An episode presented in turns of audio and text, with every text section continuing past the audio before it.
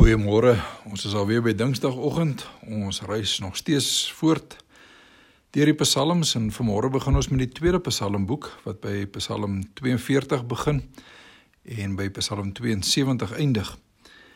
Nou Psalm 42 en 43 vorm 'n een eenheid, soos wat dit ook die geval was by Psalm 9 en 10. En ons lei dit onder andere af by die herhaling van dieselfde refrein wat ons in vers 6, vers 12 en dan in Psalm 43 vers 5 kry, presies dieselfde woorde. En dat daar in die Hebreëus natuurlik nou ook nie 'n opskrif is vir Psalm 43 nie. Psalm 42 is een van die psalms van die Koragiete. Nou hulle was deel van die stam van Levi wat ook bekend was as die deurwagte by die heiligdom soos jy in 1 Kronieke 9 sal lees sowel ook as die musikante in die tempel. Daarvan lees ons byvoorbeeld in 1 eh, Kronieke 6. Nou een van die groot koragiete in die geskiedenis was natuurlik die profeet Samuel. En een van sy kleinseuns, Heman, word uitgesonder as 'n baie groot musikant. Dit wil vir ons voorkom of toewyding aan God meestal in families loop. Soos wat die Here dit mos nou eintlik maar van die begin af bedoel het. Dink maar aan Adam en Noag en Abraham en Isak en Jakob en dan uiteindelik die 12 stamme van Israel. Nou hierdie Psalm word in die eerste vers in die Hebreëus 'n maskiel genoem. En binne hierdie konteks dra dit die betekenis van nadenke en refleksie. Die 83 vertaling vertaal dit met 'n gedig van die Koragiete. Maar ek dink steeds dat meditasie sou dalk 'n beter vertaling gewees het sodat jy dit ook in verskeie Engelse vertalings sien. Hierdie unieke selfgereflekteerde karakter wat 'n meditasie oor sy godservaring is. Miskien moet ons sê oor sy gebrek aan 'n godservaring is duidelik te sien in hierdie hele eenheid van Psalm 42 en 43. Nou Psalm 42 praat oor die dors na God. Dis hierdie Psalm mis 'n verlange na God wat met 'n metafoor van dors uitgedruk word. Ons hoor in die eerste verse: Soos 'n wildsbok smag na waterstrome, so smag hy na God. Sy behoefte is om voor God te verskyn, hoor ons in vers 3. Om saam met al die ander gelowiges op die heilige berg van God te mag verkeer, volgens vers 5, maar ook in Psalm 43 vers 3 en 4. Maar hierdie behoefte word verydel deur die feit dat hy nie by die tempel kan uitkom nie uh omdat hy in die Jordaan gebied vasgevang is volgens vers 7. En dit mag dalk nou wees dat dit uh teenstanders was of vyande was volgens vers 10 en vers 11 wat dit vir hom onmoontlik gemaak het. Maar hy gebruik ook hierdie watermetafoor om oor die pyn van sy lewe te praat. Hy ervaar nie maar net dat hy dag en nag in trane is nie, hoor weer die water, vers 4, maar ook weens die spotlag van sy vyande. Die ehm um, nee, kom ons so. En en kyk mooi hoe hy ook hierdie watermetafoor gebruik om oor die pyn van die lewe te praat. Hy ervaar nie net dat hy dag en nag in trane is soos vers 4 praat weens die spotlag van sy vyande, vyande nie. Maar hy moet ook luister na die waters wat te mekaar raas, waarskynlik by die Hermonberg waar die Jordaanrivier gespring het en wat hom aan sy swaar lot herinner.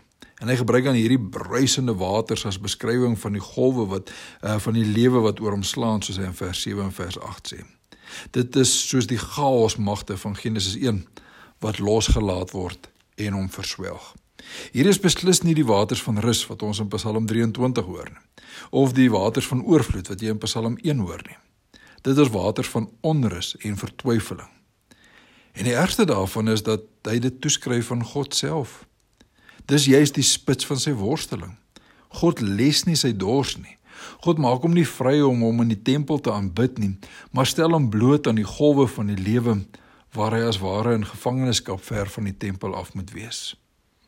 En hierdie spotlag van sy vyande ekho in vers 4 en vers 11, waar is jou God nou?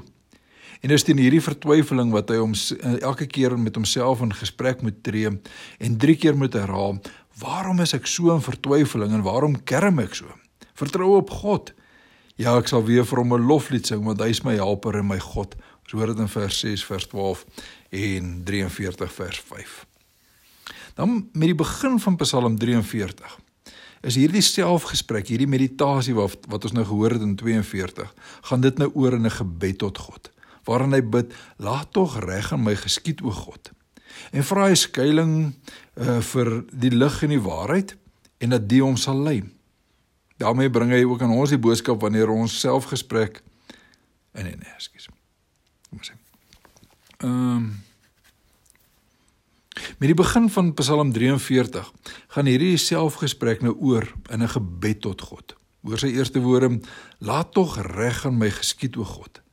En dan vra hy verskuiling en hy vra dat die lig en die waarheid hom uiteindelik sal lei. En hy sluit hierdie gebed weer af met 'n selfgesprek, maar hierdie keer met 'n ander betekenis. Want na sy gebed kan hy hom nou self moed inpraat met basies presies dieselfde woorde wat hy nou so pas in sy klag en in 'n situasie gebruik het dat die God waartoe hy so pas gebid het hom uiteindelik nie in die steek sal laat nie. God kan dus vertrou word selfs al kan die uitkoms nog nie gesien word nie.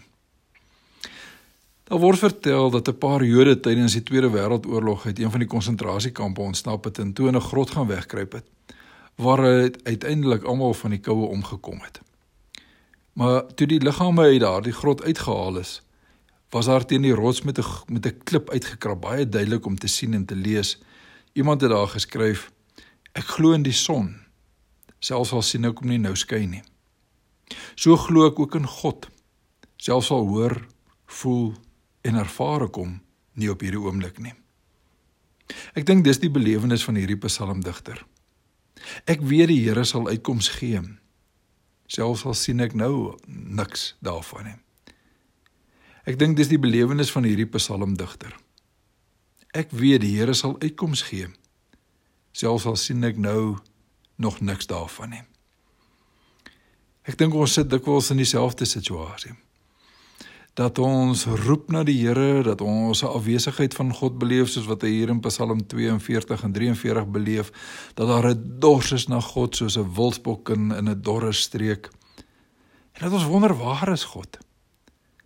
Maar dan mag ek en jy soos hierdie psalmdigter uiteindelik sê ek glo dat die uitkoms sal kom selfs al is dit nie nou al vir my duidelik nie. Selfs al sien ek niks daarvan op hierdie oomblik nie. Juis omdat God getrou is, juis omdat God so goed en so groot is, kan ek daarin vashou dat hy ook vir my uitkom sal gee. Ja, mag jy dit in enige situasie van jou lewe, in enige moeilike oomblikke van jou lewe, dit regtig ervaar. Jy net jou oë kan toemaak en kan mediteer oor die grootheid van God en die wete dat uh, selfs al sien jy nog niks van die uitkoms nie dit reeds op die horison wag omdat God getrou is. Mag jy 'n ongelooflike mooi dag hê en res van die week en ons praat volgende week verder. Totsiens.